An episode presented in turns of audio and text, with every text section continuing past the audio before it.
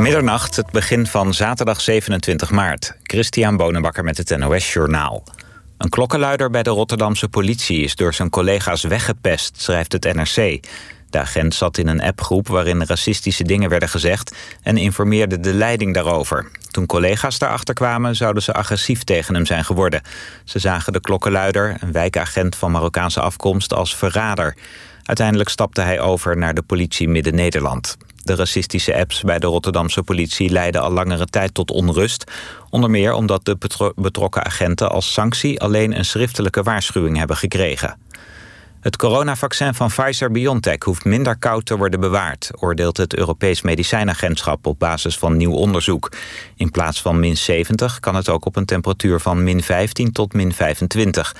Dat betekent dat ook huisartsen ermee kunnen gaan prikken. Tot nu toe zijn huisartsen aangewezen op AstraZeneca... maar de levering van dat vaccin is onvoorspelbaar. Op Curaçao is een record aantal coronabesmettingen vastgesteld. Het waren er de afgelopen dag 409.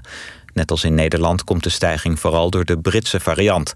De ziekenhuizen op Curaçao lopen verder vol. Er liggen nu 56 coronapatiënten in het ziekenhuis, van wie 15 op de IC. Daardoor moet de reguliere zorg op Curaçao worden afgeschaald. Ook de tweede inzending van Wit-Rusland voor het Eurovisie Songfestival is afgekeurd. Het lied is volgens de organisatie, net als de eerste inzending, te politiek beladen.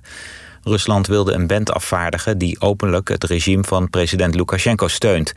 In het eerste nummer zaten passages als ik zal je leren de lijn te volgen. De tekst van het tweede nummer is niet bekendgemaakt.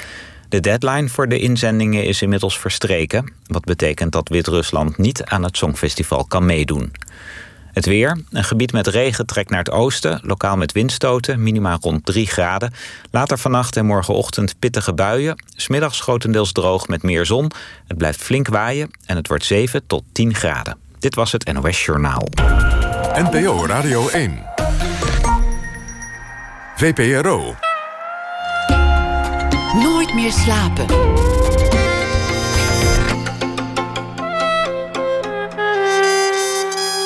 Met Lotje IJzermans. Welkom bij Nooit meer slapen. Mijn gast vanavond is de veelbekroonde schrijver van romans, verhalen, toneelteksten, essays, reportages en columns, Arnon Gunberg. Het was weer een uh, productief Gunbergjaar, zoals bijna ieder jaar trouwens. In 2020 verscheen de bundel met verslagen van ooggetuigen bij ons in Auschwitz. Daarna de roman Bezette Gebieden over de niet-gelovige psychiater Kadoké en zijn vertrek naar het beloofde land. En verder hield Gunberg een uh, indrukwekkende 4 mei-lezing die vriend en vijand beroerde en ook zijn weg vond naar de SC-bundel als ze het over Marokkanen hebben. En hij maakte ook nog eens de tiendelige televisieserie Europeaan in New York. En nu dan het vuistdikke Slachters en Psychiaters. Een bundeling van journalistieke reportages waarin Gunberg embedded ging.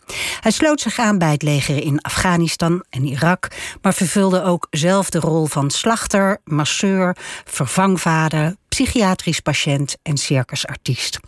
Deze artikelen verschenen eerder tussen 2009 en 2020 in kranten en tijdschriften, maar juist gebundeld geven ze de lezer ook een blik op Gunberg zelf. Want, zoals de schrijver zelf zegt, het portret van de ander is altijd ook een beetje een portret van jezelf. Dus we zien de getuige die zich onderdompelt, die zich steeds opnieuw aanpast, hecht en weer onthecht. We zien de triomf op de angst en het ontsnappen van de man die misschien wel vooral aan zichzelf wil ontsnappen. Arnon Grunberg werd uh, pas geleden 50 en hoopt heel binnenkort vader te worden van het kind dat hij krijgt samen met collega en vriendin Ninja Weijers. Welkom Arnon. Dankjewel. Superleuk dat je er bent. Ja, ik ook. Laten we praten over eh, de artikelen, de reportages in uh, dit uh, enorm dikke, maar geweldige boek. Ik heb het met zeer veel plezier gelezen. Wat, wat hebben al die locaties waar je heen bent gegaan met elkaar gemeen? Waarom wist je telkens, dit moet ik doen? Het een heeft heel vaak geleid tot het ander. Dus van een oorlog naar een psychiatrisch ziekenhuis. De soldaat die terugkeert en die klachten heeft. Of die niet meer kan wennen aan het normale leven. Dat was toch iets wat mij. Nou, ik heb een aantal reportages gemaakt, ook uh, in de vorige bundel met, met gebundelde stukken, uh, Kamermeisjes en Soldaten. Want ik ben begonnen eigenlijk in Afghanistan in 2006 met dit project, als ik het één groot project mag noemen. En nou, je raakt natuurlijk ook bevriend met mensen. Soms is die vriendschap uh, wat tijdelijk, maar je bent. Ik ben niet een journalist die vier uur komt kijken en weer weggaat. Ik leef op een bepaalde plek en dat soms drie weken, soms twee weken, soms tien dagen, maar dat is intens. En dan zie je natuurlijk ook wat een oorlog kan doen met, uh, met soldaten lang als ze weer terug zijn. Zo ben ik bij het psychiatrisch ziekenhuis gekomen. En voor mij was een slachthuis weer een logisch vervolg op. Nou ja, als je het hebt over het doden van mensen, ga ook eens kijken hoe dieren worden gedood. Daarnaast heb ik van het begin af aan eigenlijk geprobeerd om ook de zwaardere thema's of locaties of subculturen te vermengen met wat, wat, met de wat lichtere. Die ik dan vaak in de zomer deed, zoals het masseren in Roemenië. Of het circus was voor mij ook een, al heel lang een, een, een wens. Want het was heel moeilijk om een circus te vinden waar ik uh, mee kon gaan. Waarom was een circus een wens? Omdat ik eigenlijk van, als, als kind al gefascineerd was door het circus. Ik vond het heel eng. En ik vond het nooit echt leuk als ik er was. Misschien ook het wel zo, ja. Maar het was wel een. Het, was, het was, het was natuurlijk. Ik was ook gefascineerd door theater, door film. En, en circus combineerde dat helemaal met dieren, met clowns. Het was, iets, het was een onbegrijpelijke wereld voor mij. Het, was, het is ook letterlijk een mooie arena natuurlijk. ja, natuurlijk. De theatraliteit, alles. Maar ook de, de, het risico. Dat je voelt, het kan misgaan. En, um, Met trapezeartiesten ja, of, ja, of gevaarlijke dieren. Ja. Ja, die dieren zijn tegenwoordig verboden. Um, dus eigenlijk al die. Het, het zijn eigenlijk zaken, het zijn plekken die zich in de periferie bevinden. Maar die denk ik heel veel zeggen ook over het centrum waarin wij dan leven. Het gaat denk ik toch ook om cultuur, om dingen die mensen niet willen, willen zien. Nee, precies. De verwaarde medemens wil je liever niet zien. En, het, dat begint al met waar je uh, de allereerste keer naartoe ging, naar Afghanistan met het Nederlandse leger. Je bent daarna nog vaak in Afghanistan geweest, embedded met een leger uh, of niet. Ja. Uh, je bent zelfs vanuit Nijmegen naar Kabul gaan rijden. Heb je niet helemaal gehaald, nee. maar. Dat was een van de meest intense tochten. Nou, dat klinkt als een nachtmerrie, eerlijk gezegd, ja, als je dat, het dat leest. Was ook, ja, dat vond ik wel echt. Wat was het plan? Het plan, ik was natuurlijk. Ik was een keer met Kader, een Afghaan, die inmiddels Nederlander is, die ook vriend is geworden. Want ik dacht, ik ben nu zo vaak met het leger mee geweest, ik wil Afghanistan ook door de ogen van een Afghaan zien. En ik heb zijn moeder opgezocht in Kabul. En toen zei hij: Weet je wat mijn wens is? Ik ben gevlucht naar Nederland, over land. Ik wil heel graag die reis nog een keer over land maken. De andere kant op. Ja, gewoon. En toen dacht ik: Dat gaan we doen. Ja. We gaan die reis. En dat was zo intens. Uh, ook omdat ik ziek werd. Maar ook omdat je natuurlijk, kijk, met een leger, met een circus, in een psychiatrisch ziekenhuis. Je hebt natuurlijk wel bepaalde mensen met wie je steeds te maken hebt met zo'n groep. En hier was het echt één op één. En ja, ik weet nog, ik, ja, ik weet nog dat KD ook echt zei: als we hier uitkomen, moeten we samen relatietherapie. het was gewoon, het was voor ons allebei, denk ik, te veel. Ik heb het even op uh, Google Maps nagekeken, maar het was meer dan 7000 kilometer. Ja. Het is ook nogal wat. Ja, en dat is natuurlijk ook. ik denk dat het ook mee te maken had. Ik had die druk van elke dag een stukje in NRC. Um, hij had de druk van: ik heb mijn moeder beloofd dat ik daarheen ga. Dus hij wilde, hij wilde doorrijden. Dus we zaten eigenlijk. En het, was, het werd steeds heter. De, de omstandigheden werden steeds erbarmelijker. Ik weet nog dat we bij grensovergangen waren. Ik meen van Kazachstan naar Oezbekistan. Hij spreekt Russisch, ik sprak geen Russisch. Dat we van elkaar werden gescheiden. En dat hij heel boos werd. Want ik dacht, ja, eh, want ik, was, ik ging maar de grens overlopend. Dat kon, mijn dingen waren gecontroleerd. Zei, ja, bent in de steek gelaten, je bent niet bij me gebleven. Dus ik kwam. En daarnaast zie je natuurlijk ook de rijen door landen. Dat waren nog de voormalige Sovjet-Republieken. Met een verhaal wat ook wel intens is. Je ziet gewoon. Nou ja, ik, heb daar, ik weet nog heel goed dat, ik met hem, dat we door Kazachstan reden. En dat hij zei: Zou je hier als mens geboren willen worden? Ik zei: Nee, ik denk het niet. En dat we toen al die landen opnoemden waar je eigenlijk als mens niet geboren zou willen zijn. En dat waren er heel wat. Ja, merendeel, ja. denk ik. En nou, toen werd ik ziek. En dat is eigenlijk ook een hilarisch verhaal. Nou, of achteraf wel. Ik weet nog heel goed, dat was in, in, in, in Oezbekistan. En ik was zo ziek en ik was bang uit te drogen. En toen hebben we een dokter gebeld die zei: Je moet naar het ziekenhuis. We hebben hele goede ziekenhuizen hier. Maar um, ja, er wordt wel veel gestolen. Dus ja, god, als je, als je nu met die koffer heen gaat, ja, ja, en ik, ik weet nog dat ik dacht, maar mijn laptop, mijn laptop is mijn baby. ik wil, en toen zei ik, nee, ik ga niet. Ik weet nog dat ik echt dacht, ja, ik wil, ik wil, ik wil gewoon schrijven. Ik kan zonder laptop en ik houd het op. Ja. En toen zei ik, nee, ik ga niet naar het ziekenhuis. En toen heeft die dokter heeft een infuus aan een staallamp. Weet je wel, het was echt zo'n ouderwets Sovjet-Unie hotel. Aan de staallamp gehangen. En heeft hij me zo'n infuus gegeven. Dus dat, in je hotelkamer? In mijn hotelkamer. Dat was eigenlijk absurd. Weet je, dat is gewoon. Ja. En had je iets verkeerds gegeten? Ik had iets verkeerds gegeten. Ja, dat hebben ze later in het tropenarts. Ik had. Het waren tomaten, die waren waarschijnlijk in het riool gewassen. Dus ik had heel veel stront van andere mensen in mijn, in mijn maag en was er heel erg ziek van geworden. En dat duurde gewoon. Ik werd ook, ik denk ook door de uitputting en door de hitte en doordat je zit hele dagen in de auto en je eet niet natuurlijk heel goed. Het werd gewoon niet beter. En ik hield eigenlijk niets meer binnen. En toen ik op een gegeven moment zei NRC, want als serie van NRC, mijn redacteur zei: We vinden dit eigenlijk niet meer zo verantwoord, kom maar terug. Ja. En toen dacht ik, toen, toen ik dat hoorde, toen dacht ik: Ja, ik moet terug. Dit, dit, is, dit, ja, dat, uh, dit is niet goed. En is hij, Kader, is die wel doorgegaan? Kader, dat weet ik nog heel goed, van we zijn in Tajikistan beland. We hadden een auto, die wilden we eigenlijk in Afghanistan ja, wilde die aan vrienden geven. Maar die, ja, hij kon niet meer verder met die auto, want het, de tijd ontbrak hem daarvoor. Heeft hij een vlucht geboekt. En we hebben geprobeerd die auto daar van de hand te doen. En? Die heeft nog heel lang op een, uh, op, de parkeer, op het parkeerterrein van, het hotel, van het hotel gestaan. Want niemand wilde hem hebben. Maar nee, dat was. Maar dat, ja. En ook gewoon de corrupte politieagenten. Ik weet dat we in een tunnel vastzaten. En dat, dat, midden in de nacht die nog niet was afgebouwd. Op een gegeven moment zei ik, ik was zo ziek. Ik zei, ik wil, hier gewoon, ik wil, gewoon, ik wil gewoon uit die auto. Toen riep Kader heel hard tegen me van... gedraag je niet als een kind. Niemand wil hier in deze auto zitten. Wees een beetje streng voor jezelf. Heeft de vriendschap het overleefd? Ja, ja. Ik hou, ja, zeker. Ik hou ook wel van. Ik hou echt. Zeker, eigenlijk is zo'n vriendschap wordt daardoor sterk. Omdat je toch, als je dat overleeft. Dat geldt voor heel veel dingen. Dan, ja, dan, dan heb je. Je leert wel iemand vertrouwen. Ik vertrouw Kader heel erg. Ja. Veel landen waar je uh, uh, was, uh, hebben een oorlog achter de rug of zaten nog in een oorlog. Wat is die aantrekkingskracht van de oorlog? Uh, je schrijft ook ergens: uh, Ik houd van mijn geliefde, maar de oorlog is mijn vrouw. Ja, vanaf het eerste moment dat ik. Ik vond 2006, toen ik voet zette in zo'n legerbasis in Afghanistan. Ik vond het echt een cultuurschok. Een, ik, had, ik heb dat nog nooit zo ervaren. Ik was op een plek waar ik de wetten, de regels, de grappen zelfs niet begreep. Maar ik was, ik was volstrekt gefascineerd. En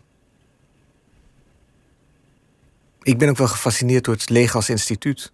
Ongeacht wat je daar. Ook omdat ik denk ik gefascineerd ben, omdat het mij eigenlijk heel vreemd is. Ik, toen ik 18 was, had ik nog in dienst gehoeven. Ik heb dat beter te vermijden.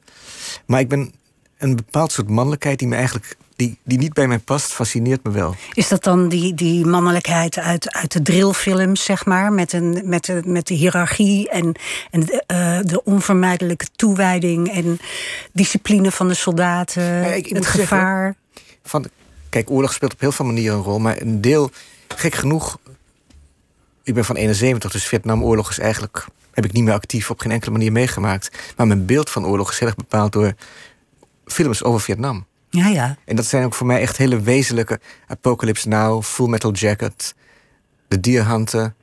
Maar er zit ook heel erg iets van vrijheid in, vreemd genoeg, omdat de jaren zestig zo waren. Ja, er zit iets van het avontuur in, van vrijheid. Um, van een zoektocht, maar ook van nou, dat vind ik ook. Ik, ja, ik blijf Apocalypse Now. Het is gewoon echt een fantastisch. Gewoon dat je. Dat, je ja, die, dat begint natuurlijk op die hotelkamer in Saigon. Met die Captain Willard. Die wacht op een missie die niet meer terug kan. Nou, dat zit ook heel erg in, in de Hurt Locker over Irak. Eigenlijk minder. Ik bedoel, heeft minder goede films opgeleverd. Dat klinkt een beetje cynisch dan Vietnam. Maar daar gaat ook in. Dat vind ik een hele mooie scène. Daar gaat, ik weet niet meer hoe die hoofdpersoon heette nu. Maar die gaat terug naar Amerika. Loopt daar door de supermarkt. Ziet echt al die verschillende soorten cornflakes of ja. muesli. Ja. En denkt: ik hoor niet meer thuis. En dat is iets wat me, wat me heel erg fascineert. En gek genoeg wat ik me ook wel mee kan identificeren. Hoewel ik zelf nooit soldaat ben geweest. Is er wel iets dat je. Nou ja, ik begrijp dat, dat, dat, die, dat, dat het avontuur of de spanning trekt. Dat je denkt, het, het, het veilige leven is niet alles. Dat weet ik zeker. Maar je, hebt- je hebt vast... Zonder de oorlog te willen verheerlijken. Ik begrijp heel goed dat oorlog echt een ramp is. Ja. Maar ik begrijp ook waarom mensen. wat, wat de aantrekkingskracht is. Maar is dat dan ook... ehm, kijk, oorlog gaat bijna altijd over macht, neem ik aan. En onmacht. En gevaar. Wat moest je overwinnen om daarheen te gaan? Was dat angst of niet? Had je geen angst om daarheen te gaan?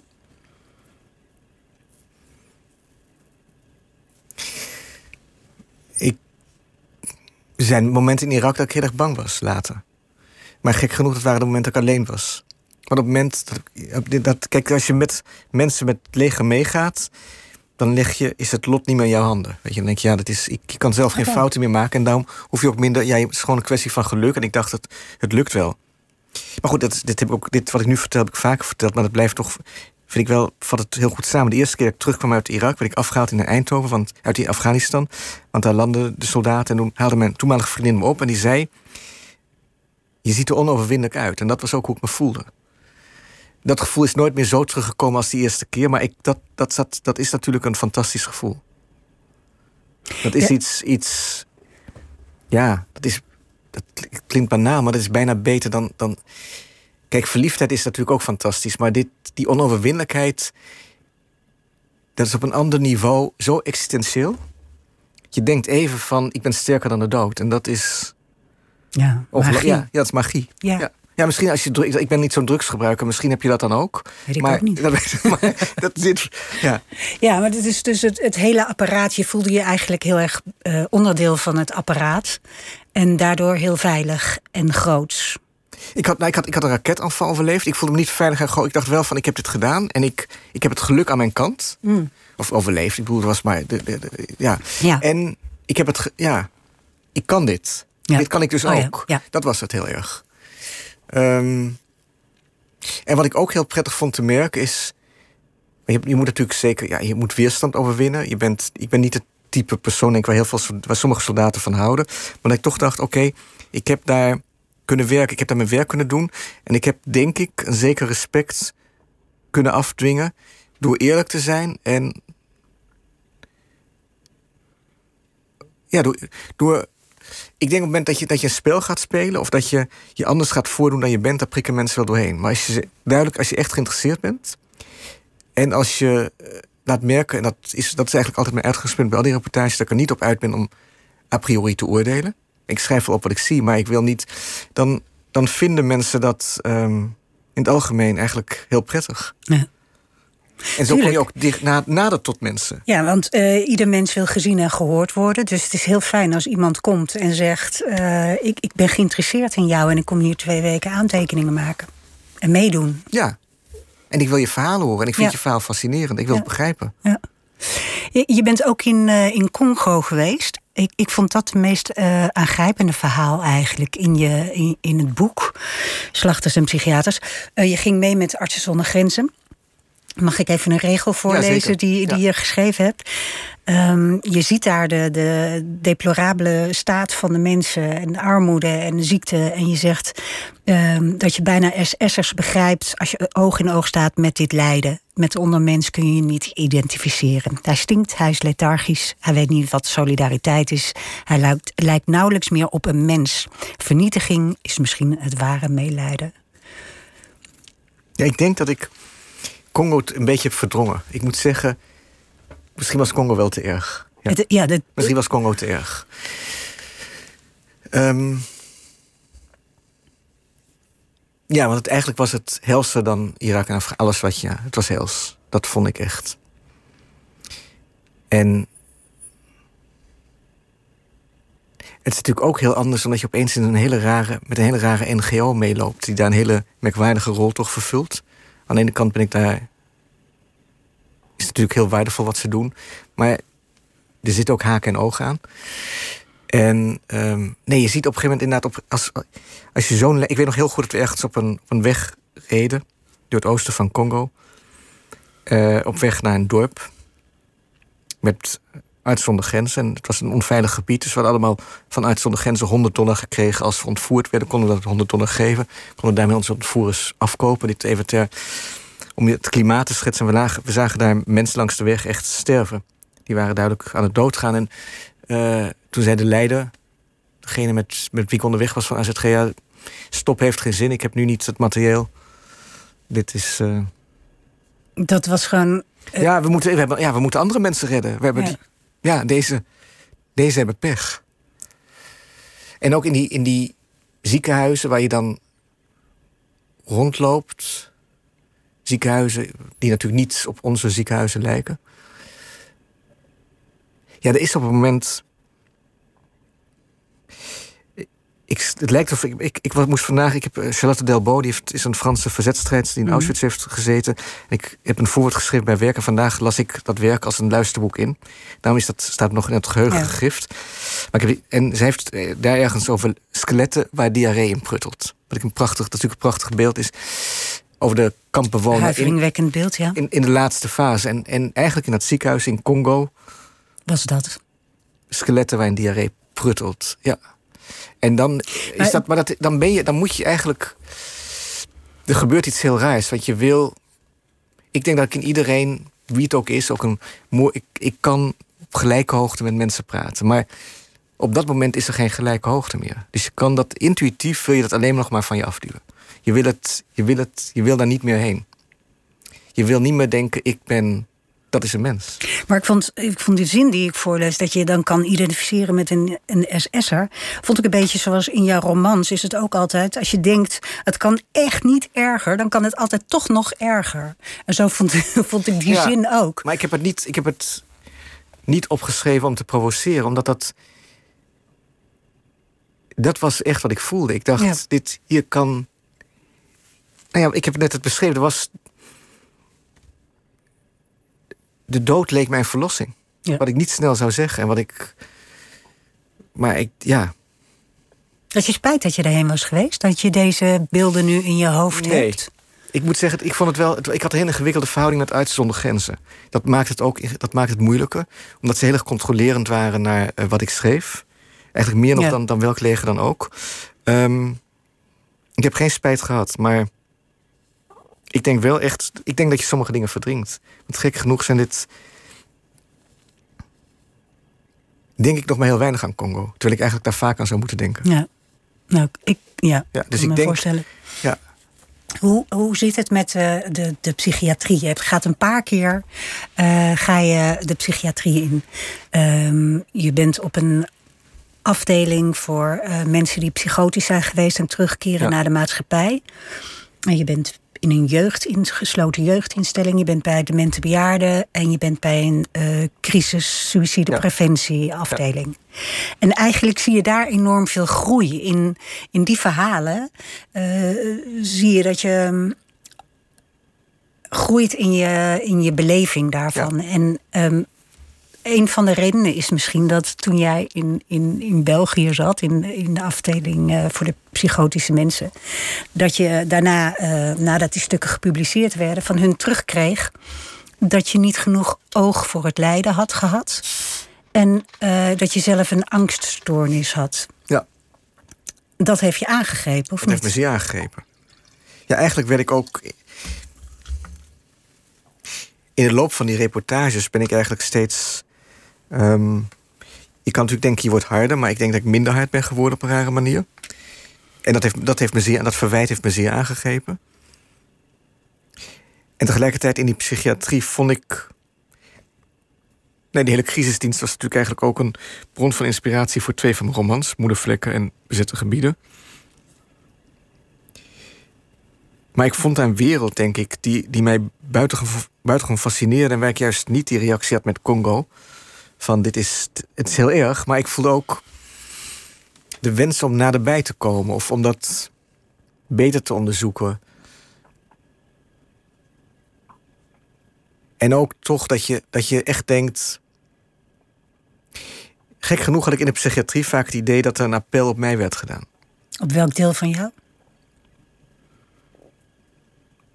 Nou ja, dat je niet kan komen en weer kan weggaan. En in sommige gevallen is dat. Um, heb ik dat ook geprobeerd vol te houden. Dus met sommige. Uh, ik heb met, met één kind wat ik in de jeugdinrichting heb ontmoet, eh, ben ik een soort van, nou, ik weet niet, maar daar heb ik nog contact mee elke week op een vaste basis. Dus soms moet je ook moet je accepteren dat je geraakt bent door iemand. En moet je daar ook de consequenties van onder ogen zien. Dus dat proces van steeds opnieuw eh, aanpassen, hechten en onthechten, dat werkte daar minder goed voor jou? Ik denk dat het onvermijdelijk is, maar in dit geval. Nee, ook omdat. ehm, dat is iemand die al heel lang, een kind dat al heel lang in, in allerlei jeugdzorg rondloopt. Dus steeds meer met andere verzorgers te maken heeft gehad. En, en de moeder heeft mij letterlijk ook gevraagd, misschien, nee, na enige argwaan trouwens over mijn rol. Maar de ouders zijn er nu mee akkoord van, misschien kan jij voor continuïteit zorgen in het leven van ons kind. Door niet een verzorger of een hulpverlener te zijn die. Steeds wisselt. Ja. ja. En dat is natuurlijk, dat is eigenlijk, dat is een appel. Dat is een heel direct uitgesproken appel. En dat ga ik niet naast me neerleggen. Daar ben ik te. Zo zit ik niet in elkaar. Heeft dat, heeft dat verwijt van eh, niet genoeg empathie, dat, was, dat ging over je schrijverschap. Dat heeft mij diep, ja, dat heeft mij diep geraakt. Dat heeft mij zeer diep geraakt. Heeft het iets veranderd? Misschien. Ik vond het verwijt niet, niet, niet terecht. Maar het heeft me wel geraakt, dus het moet.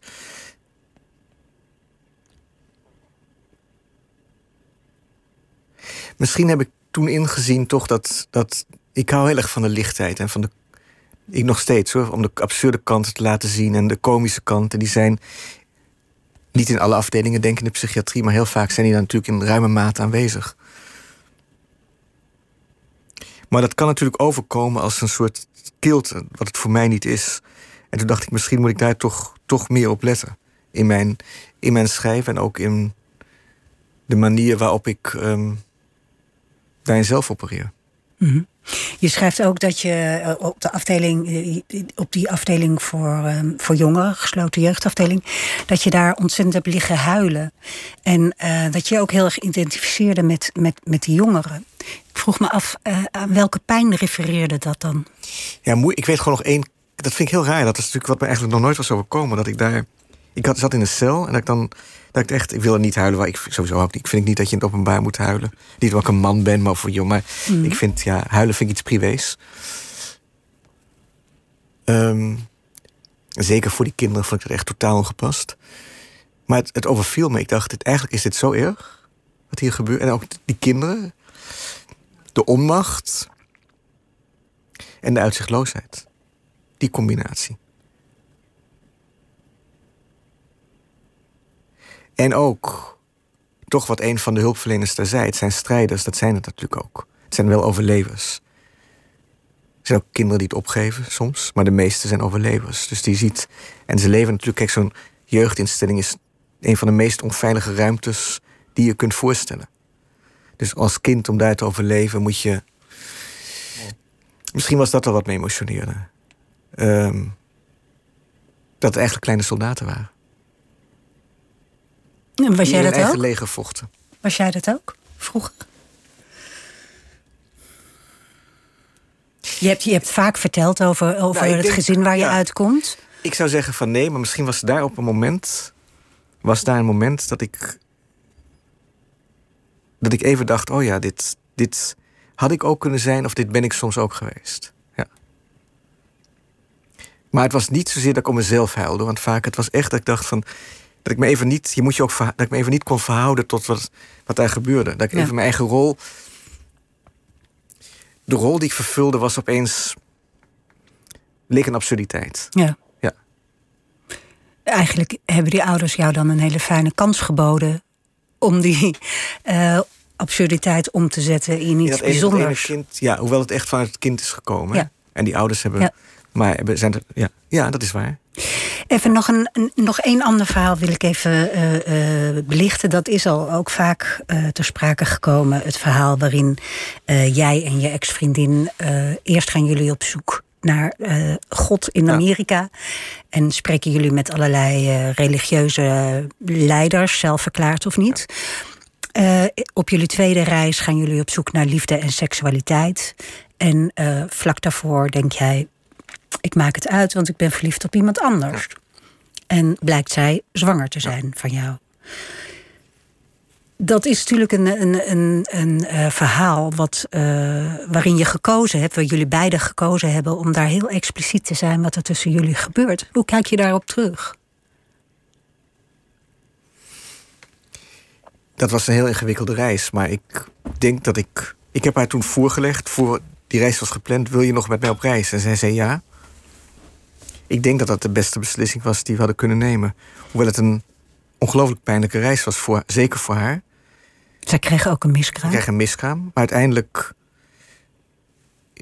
Niet dat je, je moet pijn ook niet met elkaar vergelijken. Ik was degene die wegging, ik heb haar verlaten. Maar dit was natuurlijk ook, iemand verlaten is ook pijnlijk. En die reis was ook ongelooflijk emotioneel voor mij. Maar ik ben wel blij dat we, dat we hem gemaakt hebben. En ik ben ook uiteindelijk blij dat. Um... Ben je ook blij dat je het opgeschreven hebt? Dat je hem gemaakt hebt, snap ik? Ja, ik ben blij. Ja. Zij heeft meegelezen. Zij heeft uiteindelijk nog zelf een antwoord geformuleerd. Die mhm. stond ook in de krant. Mhm. Die is opgenomen in het boek. Ik vond het als lezer best wel ongemakkelijk. Ja, Omdat ik aan de ene kant eh, dacht ik van ja, zo gaat dit. Eh, je, je houdt heel veel van iemand, je gaat uit elkaar. En dat is afschuwelijk en pijnlijk en afschuwelijk naar. En wat ontzettend dapper dat dit opgeschreven wordt en dat ik dit mag lezen. En aan de andere kant dacht je ook van. Ja. TMI zouden mijn kinderen zeggen. Ja, nee, dat begrijp ik heel goed. En kijk, het raar is natuurlijk als je dit opschrijft met iets meer afstand in tijd, krijg je een heel ander verhaal.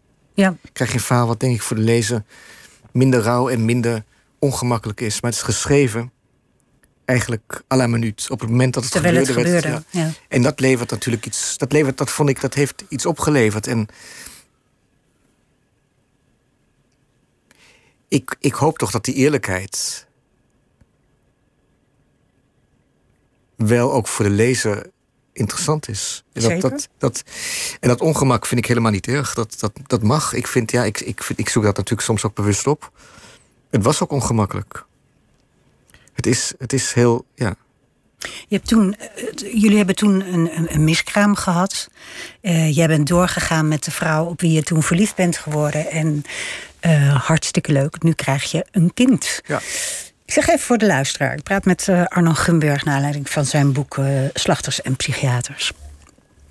En je krijgt nu een kind. En um, daar heb je eigenlijk al, al in heel veel interviews uh, van de afgelopen jaren heb je gepraat over dat verlangen naar een kind. Terwijl je het ook wel eerder een existentiële bedreiging hebt genoemd. Waar je toch naar verlangt. Dat is dat verlangen. En, en kijk je daar nu, nu dat binnen handbereik is, anders tegenaan? Ja, zeker kijk ik anders tegenaan. Ik zou het nu nooit meer een existentiële bedreiging noemen. Maar ik was natuurlijk. Kijk, ik, nee, ik heb een peterkind die al, die al een soort van. voor wie ik een vader ben. Omdat zijn eigen vader langzaam is verdwenen. En dat neem ik ook, ook heel serieus. Ik, ik, hou, ik was bij hem vanaf dag één. Ik hou van hem als mijn eigen kind. Dat is Mayo. En hoe oud is hij nu? Mayo is nu 16. Ja, ja. wauw. Maar dit is natuurlijk. Dit is, ja, nu, dit, dit is inderdaad ook weer iets anders. En. Ja, ik, ik was heel lang bang dat een kind. of nog een kind. dat dat eigenlijk een soort bedreiging zou zijn voor mijn schrijven. En dat voelde heel erg als een existentiële bedreiging aan. En ik denk op een gegeven moment, misschien heeft het ook met leeftijd te maken, dat je een soort rust vindt of een zekerheid in jezelf. Dat je denkt, dit ben ik en dit komt goed. En ik kan altijd wel schrijven. Ik ben niet zo bang voor, voor slapeloze nachten. Weet je wel, mensen, ja, god. Het komt. Nee, ik heb daar. En ik, en maar je vraagt, je vraagt waarom, waarom wilde ik heel graag een kind? Nou, nee. Ik of waarom wil ik een kind? Ik vind het zo grappig dat je al heel lang naar een kind verlangde. En dan op je vijftigste ook een kind gaat krijgen. En... Dat is heel ironisch, want mijn vader had zijn eerste kind, mijn zus ook op zijn vijftigste. En mij kreeg hij op zijn vijftigste. Dus dat was dat was niet gepland hoor, maar dat besefte ik opeens wel toen ik toen, toen zwanger was. Um, jouw zus, jouw oudere zus, die werd geboren toen je vader. Ja, ik had uh, ouders, ja. En eh, vond je dat je een oude vader had? Ja, maar hij was 58 toen ik werd geboren. Ja, ik, vond dat een, ik heb dat nooit zelf zo beseft. Maar op een gegeven moment gingen mensen zeggen... Want we wandelden veel. Ik wandelde veel met mijn vader. Oh, lekker op stap met opa. ja, maar... ehm, Hoe was je relatie met je vader? Want we weten best wel veel van jouw relatie Ja. met je moeder. Die was heel ehm, symbiotisch ja. totdat je je losbrak en daarna nog heel liefdevol. Nee, mijn vader was een lieve man, maar een hele, een, een, en ook oplettend, maar hij- niemand, niet iemand die over zichzelf kon vertellen. Hij was niet, hij kon wel vertellen, hoor, maar niet het, het persoonlijk echt. Dus hij was een, een hele liefdevolle, maar ook afstandelijke vader. Die, eh, ja, toen ik een puber werd, toen had ik wel een hele moeilijke relatie. Op een gegeven moment heb ik ook in mijn eerste roman Blauw Maandag geschreven. Toen raakte hij verlamd, een hersenbloeding. En toen kreeg ik wel weer een betere relatie. Maar toch op het moment dat je... Toen was ik 19, denk ik. Op het moment dat je dan met de vader in een rolstoel door de straten rijdt... Heb je, ben je ook geen zoon meer. Dan nee, dan eigenlijk een- zijn de rollen alweer dan een ben je beetje mantelverzorger. omgedraaid, Dan ben je ook... En ik heb altijd wel... Ja, ik heb daar... Op een gegeven kon wel een soort humor daarin delen. Dat mijn moeder, dan viel hij wel eens uit. Ja, dat gebeurt. Zeker toen die oude rolstoelen met zijn vader wel eens uit de rolstoel. En ik vond ook wel... Aan de ene kant vond ik het vreselijk. En dat is natuurlijk ook vreselijk als je vader op straat ligt... en je krijgt hem nauwelijks weer in de Ja. rolstoel. Maar ik kon ook... Ik denk dat was mijn redding. Ik kon ook daar wel weer de humor van inzien. En hij op een rare manier ook. Ehm, ik denk ook, om nog even terug te komen... ik wil best wel meer over mijn vader vertellen... maar mijn moeder was natuurlijk iemand die altijd heel erg zat te wachten. Zei, ja, mijn zus heeft... Van mijn zus heb ik allemaal... Ik heb veel kleinkinderen, maar geef mij ook nog een kleinkind. Ja, wilden ze dat heel graag? Ja, de laatste jaren van haar leven was het wel minder geworden... maar dat was natuurlijk wel... Dat voelde ik wel als een soort... druk. Het rare is ook... Toen ik mijn zus eindelijk vertelde dat, dat eh, Nia een kind kreeg... toen was eigenlijk haar enige reactie van... wat zou mama dit leuk hebben gevonden? Denk je daar veel aan? Aan mijn moeder. Nou, dat, dat ze dit nu mist. Ja, ik denk ook van... Want mijn moeder was een hele lieve, maar ook een hele moeilijke vrouw. Ehm, misschien is het voor het kind en mijn vriendin... bepaalde dingen zijn ze ook... hoeven ze niet mee te maken. Dus eh, nee, ja, ze, ze mist het. Nee, eigenlijk, ik denk het niet... gaat niet om dat zij het mist, maar Ja. dat jij het mist dat je moeder eh, er niet is. op het moment dat je vader wordt. Terwijl jij weet dat zij er heel erg naar verlangde. Ja, weet je wat het gekke is? Misschien is dat bijna te persoonlijk, maar ehm, ik vind dat je ook een kind helemaal niet moet invullen. Maar als ik fantaseer over mijn, het kind dat nu komt, dan zie ik eigenlijk een kindje wat heel erg. Want ik heb ook jeugdfoto's van mijn moeder, iemand die op mijn moeder lijkt. Je moeder was ontzettend knap vroeger, toen ze jong was. Ja. En ook echt, ze is ook eigenlijk altijd in haar hoofd of manier van doen een meisje gebleven. Dus ik zie, ja. Misschien is dat. Iemand heeft ook wel eens gezegd. Ja, misschien wil je ook een kind omdat je moeder zo miste. Dat zou kunnen. Terwijl ik helemaal niet bewust. Ik heb, vind eigenlijk dat ik eh, heel. Ja, god, rouw is. Oude, dat is altijd moeilijk. Maar omdat ik zo lang wist dat ze ziek was. en daar zo al mee bezig kon zijn. was de rouw na haar dood eigenlijk relatief makkelijk omdat ik was er zo bang voor. En op het moment dat het gebeurde, dacht ik, oh, het valt eigenlijk wel mee. Snap je dat? Ja? Ja. Maar, eh, nee, maar mijn moeder is ook nog heel op een rare manier. Ik, ik denk natuurlijk nog veel aan haar. Ik doe helemaal niet van, oh wat jammer. Gewoon dat ze, omdat ze, ik, ja, ik hoor haar nog dingen zeggen. Ik weet je wel, ze is gewoon aanwezig in mijn hoofd als een, bijna als een personage. Meer dan je vader. Mijn vader is al langer dood. Ja. Ja, maar je moeder kon ook vreselijke dingen zeggen. Ze kon ook zeggen, in Auschwitz was het leuker dan hier thuis. In Auschwitz had ik het beter dan bij jullie. Ja, mijn moeder kon vreselijke dingen zeggen. Mijn moeder kon, Het lijkt me heel onveilig. ja,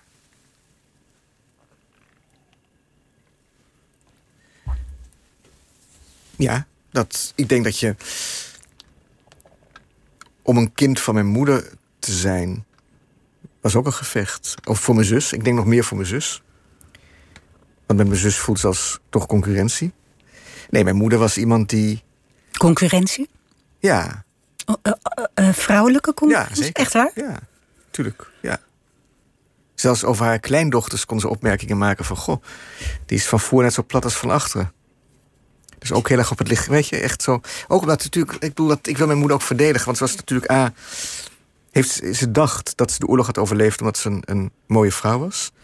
En ze voelde heel erg op het moment dat, dat ze ouder werd... en ze niet meer werd waargenomen als een mooie vrouw, dat ze eigenlijk geen bestaansrecht meer had. En niet meer veilig was. En niet meer veilig was. Ja. Dus, uh, en met die concurrentie had ze natuurlijk niet met mij. Ik zeg ook, ja, ik bedoel, helemaal niet dat het alleen maar, maar dat zat er volgens mij, als ik me dat herinner ook, zat het, er wel, zat het er wel in. En was die verhouding tussen mijn zus en mijn moeder gewoon veel ingewikkelder. Uiteindelijk, ook mijn verhouding was veel ingewikkeld, maar niet, niet op die manier als die tussen mijn zus en mijn moeder. Um, maar nee, ze, mijn moeder was een, een, een, een enorme ja, een force. Een, een, iemand die, die over je heen, als je niet oppaste, liep ze over je heen. En ze was ook, ze was niet altijd, dat, is natuurlijk, dat was heel ingewikkeld. Met, met alle liefde die ik voor moeder voelde, was ze was iemand, ze kon je ook verraden. Oh, maar dat is echt heel erg. Nee, maar dat ook uit angst, uit angst, denk ik. Ze wist soms niet, en misschien, ze wist soms niet altijd waar haar loyaliteiten lagen. Uit angst dat ze dacht, met andere mensen erbij. Ik, ik weet nog heel goed dat ik. Er was een bepaalde. Als mijn moeder lippenstift opdeed als kind. dan kan ze. Dan wist ik nu gaan we naar buiten. We gaan naar de buitenwereld. En dan wist ik nu, komt het, nu begint een andere. krijg ik een andere moeder. Oké, ja. Dan, dan moest er iets, een verhaal verteld worden. Nou, er was iets, nu gaan we naar de mensen. Dat zei ook, Precies. wat zullen de mensen van. Ja. En dat werd dan En ik denk helemaal niet dat ze dat expres deed of bewust deed, maar dan kon dingen die hij in vertrouwen had verteld, werden opeens openbaar gemaakt. Of ze kon. Ja, ze voelde eigenlijk dan niet aan dat, dat ze de grenzen van haar kind heel erg overschreed. Dus, dus je vader was vrij afstandelijk en je moeder was heel lief, maar ook uh, zeg maar uh, grillig, om, ja, om, onbetrouwbaar, op een bepaalde manier. Wat, wat, wat ga je doorgeven? Niet dat aan je kind. Nee, maar dus dat onder dit alles, en dat is natuurlijk ook. hebben allebei mijn ouders onvoorwaardelijk van mij gehouden. Ondanks al die, ik bedoel, ik ben. Dat, dat is iets wat ik heel erg heb gevoeld. En ik heb ook de vrijheid gevoeld om te worden wat ik wilde worden. Dus ik heb het idee, dus ik denk, kijk, ik vrees, heel veel mensen zeggen, dat ken je ongetwijfeld ook, van krijg je, nou ja, dat je, dat je opeens je eigen ouder ziet. Um, ja, het is een enorme valkuil natuurlijk ja, ja, voor je iedere ouder. bepaalde fouten te voorkomen, maar ik denk... Nou, ik, wat, ik hoop heel erg toch door te geven dat, dat het een...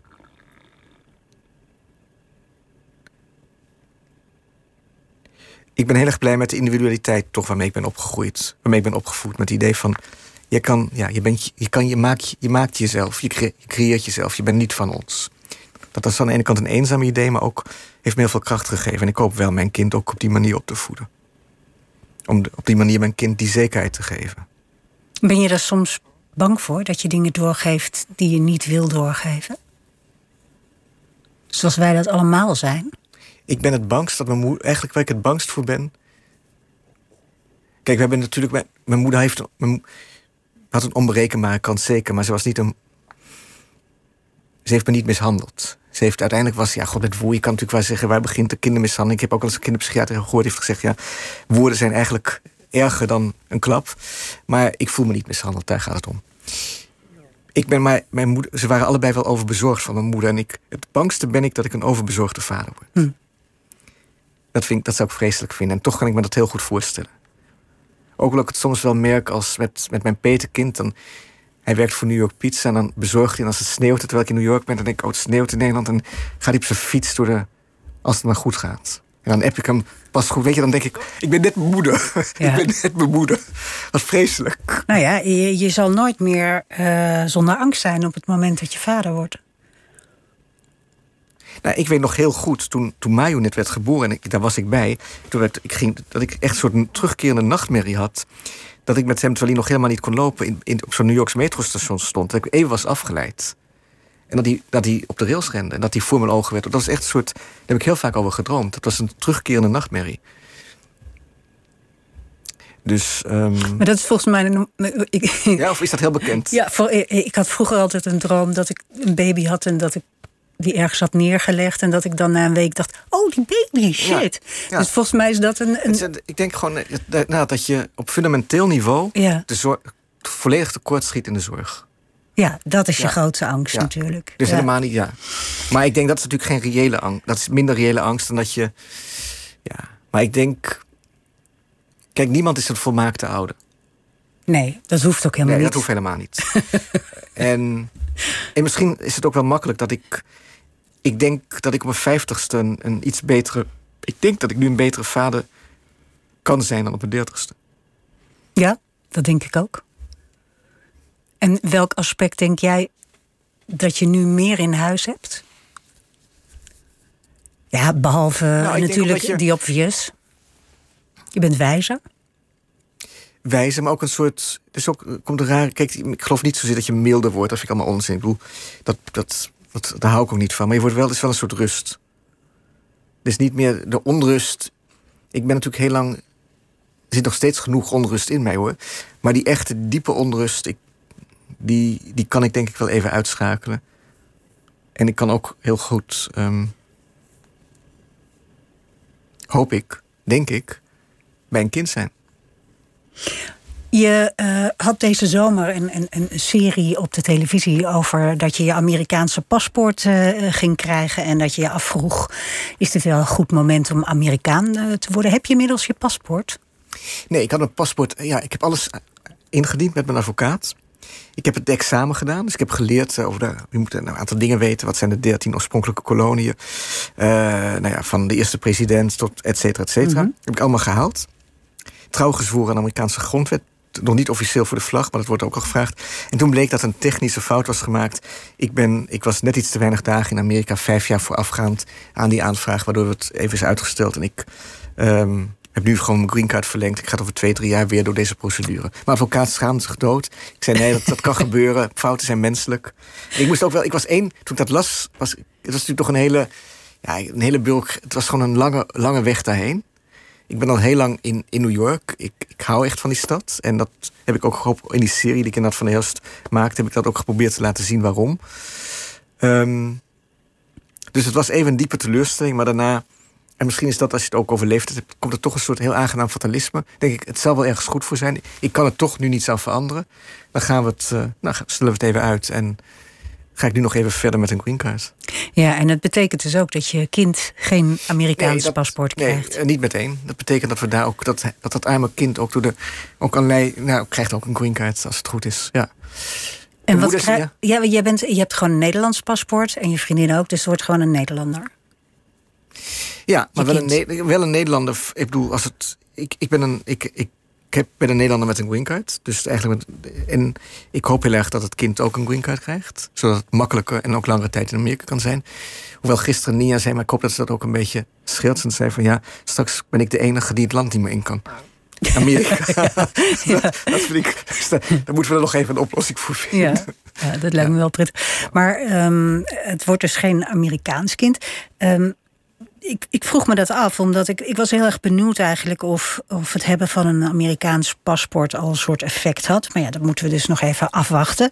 Wat me opviel aan die serie was dat hij Europeaan in New York heette en niet Amsterdam. Amsterdammer in New York of Nederlander in New York. Jij voelt je dus meer Europeaan dan iets Ik- anders. zeker door in Amerika zo lang te wonen. Ja. Hoe, hoe werkt dat? Nou ja, je, je kijkt ook naar jezelf dan vanuit het perspectief van heel veel Amerikanen. Die vragen waar kom je vandaan en wat. En dan merk je natuurlijk sowieso, dat is ook een, dat is een cliché, maar dat is vaak toch wel waar. Dat voor veel Amerikanen is Europa één. bijna ja. Het verschil tussen Kopenhagen en Amsterdam, of tussen, of nou ja, of Amsterdam, nou, weet je, dat loopt allemaal een beetje door elkaar. Goed, Frankrijk. eh, En, dat, en daarnaast zit natuurlijk nog een, een fundamenteler iets. Kijk, ik voel me ook echt heel Europeaan. Mijn ouders komen allebei uit Duitsland. Hadden Duits als eerste taal. Zijn heel erg verbonden met dat land geweest, ondanks alles. De grootouders van mijn vader komen uit, uit, die kwamen uit het Oostenrijks-Hongaarse keizerrijk. Wat nu Oekraïne is, dat deel van het. Dus er zit. Ik, ik, en ik voel me heel erg verbonden met, met de geschiedenis van, van Europa. En ik, vind, ik denk ook eigenlijk, als ik eerlijk ben, als ik ook nu kijk. Ik, ik, ik vind dat wij veel te veel door, door een rietje naar Nederland kijken. Dat je eigenlijk we denken dat allerlei problemen die, die echt mondiaal zijn, of die tenminste op Europees niveau zou je moeten oplossen, of het nou gaat om klimaat of om belastingontwijking van grote bedrijven, dat het eigenlijk een illusie is om te denken dat je dat in Den Haag nog kan oplossen. Dus in die zin denk ik dat, dat er allerlei politieke redenen zijn om, om je Europeaan te voelen. En dat heeft helemaal los van, van wat je nou denkt over de EU, gewoon puur als continent. Uh, maar ook, ook vanwege de geschiedenis en vanwege. Ik vind het eigenlijk ook wel mooi om Europeaan te zijn. Omdat ik ook wel, omdat ik wel, omdat ik helemaal niet zo. Ik, ik ben echt van Amerika gaan houden, hoe raar dat ook klinkt. En zeker van New York, maar ook toch wel door die reizen met, met mijn vorige vriendin over, door het Westen. Ook door, door de. Omdat het zo'n bizar land is. Maar die, daarnaast ben ik ook gaan beseffen dat ik nooit een echt Amerikaan zal worden. Daarvoor ben ik gewoon net iets te laat naar dat land gegaan. Want wat, wat, waar ontbreekt het jou aan?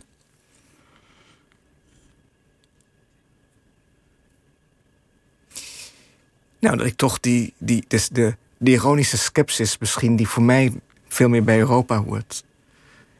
En um, bij een verleden... Terwijl Amerika heeft natuurlijk toch die, die, die, die, die, die uitzonderingspositie die daar het is, het, kijk, Amerika is, even iets, is, is eigenlijk een diep religieus land. Waar, waar het, wat gebouwd is toch op de gedachte dat het het beloofde land is, of op zijn minst een dependance van het beloofde land. En ik ben een scepticus en voor mij is die sceptisch heel erg Europees. Ja. In Amerika laten ze zich meeslepen. Ja, door, door de, Door, dat is ook het aantrekkelijke, door de waanzin. Ja. ja. Hier hebben we dat ook gedaan, maar ik hoop dat het nu wat. toch wat nou, ik weet het niet. Uh, je hebt wel eens geschreven, uh, je, je, hebt veel over identiteit geschreven, maar een van de dingen die je daarover zei was: um, wie wil weten wie die is, uh, moet goed kijken naar waarvoor die zich schaamt. Omdat dat eigenlijk best wel de essentie vertelt over wie je bent. Ja, dat denk ik nog steeds. Op het moment dat jij naar Spanje gaat en je schaamt je voor andere Nederlanders, weet je dat je Nederlander bent. Dat is even, ja. ja. Of je meent, jezus, wat, wat misdragen Ja, dat is, ja. Waar heb jij je voor geschaamd? Dat schaamte is ook wel iets... Schaamte is belangrijk. Nee, ik heb natuurlijk een, thema in je werken. Ik heb ook voor mijn ouders geschaamd. Wat een heel ingewikkeld iets is, want dan kom je weer in zo'n loyaliteitsconflict. Um, ben je bang dat jouw kind zich voor jou gaat schamen? Nee, dat mag je best doen. Ja, toch? Ik hoop dat ik me nooit voor mijn kind ga schamen. Nee, dat natuurlijk niet. Oh nee. Tuurlijk niet. Oké. Gelukkig. Nou, dat hebben we dat ook weer afgehandeld. Nee, maar. Um, dus is, nee, dat is heel duidelijk. Kijk, op het moment. Ik heb eigenlijk nooit. Ik heb wel eens geërgerd, maar nog nooit gedacht, dat ik heb gedacht voor. Nou ja, god, die Jezus, wat zijn die Amerikanen hier weer. Wat zit ze hier weer ontzettend uh, luid in een. Nee. Dus daarom, ook daarom denk ik van. Ik, ben, ik woon, ik hou van het land, maar ik ben nog niet zo Amerikaans dat ik me voor andere Amerikanen in het buitenland ga schamen. Dat ik me nog wel kan denken, Jezus, deze Nederlanders, wat doen die? Dus wat dat betreft. En ja, het zegt gewoon iets waar je. Wat je denkt, je schaamt je natuurlijk, als ik het dat mag uitleggen. Nog, je schaamt je natuurlijk ook omdat je denkt van de ander ziet mij aan voor een van hen. Ik heb ook wel eens geschaamd, of geschaamd. Ik denk, ik weet nog dat ik één keer, dat was met iemand, was in, een orthodox Joodse man in een vliegtuig, die maakte een enorme scène. Ja, ik ook dacht van niet, ik me daarvoor schaam. Ik dacht, oh ja, dit is, doe dat nou niet. Zo geef je Joden een slechte naam. Weet je wel? Dit slaat, doe dat. Ga, sta even dus... kalm. Straks zijn allemaal mensen weer zeggen... zie je wel, die rotjoden, die, die hebben weer een grote mond. Dus dat, ja, dat, dat zegt toch... Terwijl ik die gedachte niet zou hebben gehad... denk ik, als daar een... ja, een Hindoestaan een enorme scène had gemaakt die naar mijn idee uh, niet helemaal redelijk was geweest. Dus elk aspect van je persoonlijkheid kent, kent een eigen uh, schaamtegebied, zeg maar.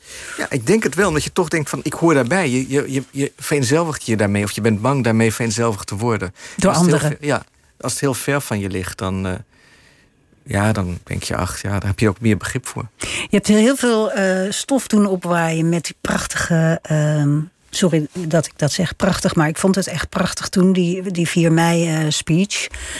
Um, uh, waarin je eigenlijk zei dat uh, als we het over Marokkanen hebben, hebben ze het over mij. Wat je daarmee bedoelde, volgens mij, was. Um, je moet mensen niet over één kam scheren en, zich, en ze niet de identiteit geven van de groep. Dat, maar gewoon. Ja, uiteraard, ja, zeker. Ja. Waarom denk je dat, het, dat er zo, mensen zo boos werden? Zo'n zo'n Joost Eertmans of, of, of andere mensen die jou doodsbedreigingen gingen sturen. Waarom? Ik denk dat het woord, misschien is dat nu iets minder, maar ik vrees van niet dat het woord Marokkaan of het woord moslims bij sommige mensen nog altijd als een rode lap op een stier werkt. En dat, dat ze dan eigenlijk al niet meer goed kunnen luisteren naar wat er, wat er is gezegd. En dat het toch zo'n bev- bevolkingsgroep is die fungeert als een, als, een, als een zondeboek. Ik denk ook helemaal niet dat ik, want dat is iets wat Abdelkader Benali net in het Nederlands schreef, ehm, dat ik Marokkanen verheerlijkt heb of dat ik ze geïdealiseerd heb, totaal niet. Ik heb alleen willen duidelijk maken van God, als het, en dat, weet, dat besef, besefte ik al lang, als je het over de ene minderheid hebt, denk niet dat die mensen die die minderheid haten, andere minderheden niet zullen haten. Dat is natuurlijk eh, een volstrekt naïeve gedachte. Maar ik had, ik had, ik moet eerlijk zeggen, ik dacht, ik had, ik was, dat heb ik ook wel vaker gezegd, ik was verbaasd eh, over de omvang zowel van de positieve, van de eh, lieve mails, maar ook inderdaad van de, van de haat. Dat verbaasde me. Want ik vond niet dat ik zulke controversiële of zulke nare dingen zei eigenlijk. Ik heb wel provocerendere dingen gezegd en gedaan en geschreven. Natuurlijk, dit was een ander podium. Maar ik vond mijzelf eigenlijk heel redelijk. Maar ja, soms, soms wekt redelijkheid ook enorme agressie op en, en haat. En, en eh, die, er zijn ook mensen, zowel eh, eh, extreem rechtse mensen als mensen in Israël, die jou een zelfhatende Jood noemen. Ja, ja, ja, ja, ja, ja. Ja, ja dat vind ik heel kwalijk. Alsof je, dat zijn Omdat je geen rechts- zionist bent. Eh, nou, laten we even met extreem rechts beginnen. Dan gaan we naar Israël. van, ehm, op, op, omdat je eigenlijk zegt van... Ik, ik geloof niet dat... Ik geloof dat eh, islam gewoon een religie is... en dat je niet daarvan een ideologie moet maken... die je op één... die je gelijk kan stellen aan fascisme. Dat dat kwalijk is, dat het eh, discriminerend is... en eigenlijk antidemocratisch. En dan zeggen die mensen van... ja, maar jij als Jood... jij wordt gehaat door, door moslims. Wat natuurlijk eigenlijk ook een ontkenning is. Want als je naar de geschiedenis van antisemitisme kijkt, is dat een hele christelijke en Europese aangelegenheid. In eerste instantie. Dus het is een geschiedenisvervalsing. Het is, het is feitelijk onjuist. Natuurlijk bestaat antisemitisme onder moslims ook. Maar dat, dat het doen alsof het exclusief is en het doen alsof je als Jood automatisch een vijand zou zijn van moslims, vind ik zo kwalijk. Dat heb ik zo ver van me. Dat vind ik echt eigenlijk, als mensen mij dat soort dingen schrijven, vind ik dat bijna grens of aan het antisemitisme. Of vind ik dat antisemitisch. In Israël ben ik antisemitisch, eh, ben ik eh, een zelfhatende Jood genoemd. Omdat ik ook wel kritische artikelen over Israël heb geschreven. En ik weet nog dat ik daar, ik heb daar, die staan ook in die bundel over de NGO eh, Breaking the Silence. En dat ik daar in een religieus-sionistische optocht zat. eh, ter gelegenheid van een feestdag van Jeruzalem. En dat ik daar inderdaad, ja, dat, dat, dat ik dat soort dingen te horen kreeg. Maar dat, dat Omdat Ja. je daar kritisch was. ja. Ja. Dus inderdaad, je kan zeggen als je dan, ja, sommige, maar het is een, een, een- gelukkig nog wel altijd een minderheid ook daar in Israël, dat als je kritisch bent over bepaalde politieke beslissingen van die staat, of als je kritisch bent over eh, de gedachte dat alle Joden, wie je daar ook mee bedoelt, in Israël zouden moeten wonen, dat je een zelfhatende Jood bent, ja, dat is. eh, Kijk, je hebt fundamentalisme heb je, in, heb je in elk geloof. Je hebt ook christelijke fundamentalisten, je hebt Joodse fundamentalisten, je hebt islamitische fundamentalisten. En, dat, en elk fundamentalisme is altijd onverdraagzaam. En is vooral onverdraagzaam tegenover mensen uit de eigen groep die er anders over denken. Want die zijn weer terug bij schaamte, die zijn het grootste gevaar. En Ja. ook de grootste bedreiging. Ik wil nog één vraag stellen. Daar is nog ruimte voor, voor één vraag. En dat is, je noemt jezelf een ont- ontsnappingskunstenaar, een Houdini. Ja. Eh, je zegt Krav Maga, die, die, die vechtsport die je Ja. doet. Hoe meer je traint, eh, hoe beter je wordt. En zo is het ook met vluchten als het erop aankomt. Hoe vaker je vlucht, hoe beter je erin bent als het erop aankomt. Wat is waar jij voor vlucht? Dat vind ik het een moeilijke vraag. Maar ik wil één ding vertellen. Dat, dat vond ik heel mooi. Toen Nia mij vertelde dat ze zwanger was, gaf ze me een paspoorthouder. Met een kaartje waarin stond. Weet je waar je je paspoort in kan doen? Het is een cadeau zodat je bij ons altijd weer weg kunt gaan en weer terug kunt komen. Dus het vluchten, ik, ik weet niet, ik, vind het, ik kan in dit tijdsbestek niet meer zeggen waarvoor ik op de vlucht ben. Maar ik ben iemand, ik kom graag terug. Ik wil, ik wil graag weggaan, maar ik wil graag weer terugkomen. Ontzettend lief van je, van je vriendin. Dat, ja, dat je weg mag. Dat, ja. ze dat eigenlijk Ja, zegt. Dat. Vond ik ook, dat heeft me ook heel geroer- ontroerd. En dat heeft me ook heel veel... Ja, daarom vertel ik dit. Ja. Dankjewel, eh Arno Gunberg. Het was een eh, genoegen en er was nog veel meer te bespreken, maar dat eh, moet een andere keer. Maandag is Pieter er weer. Dan spreekt hij met Sander de Kramer, journalist die voor zijn gevecht tegen armoede en onrecht de prestigieuze President Roosevelt for Freedoms Award mag ontvangen. Straks op deze zender de podcastgids Vink.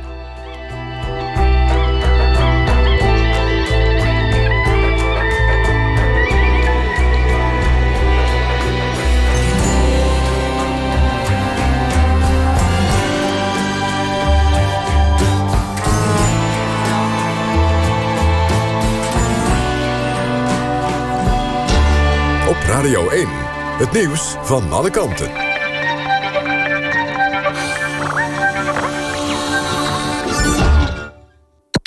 NPO Radio 1.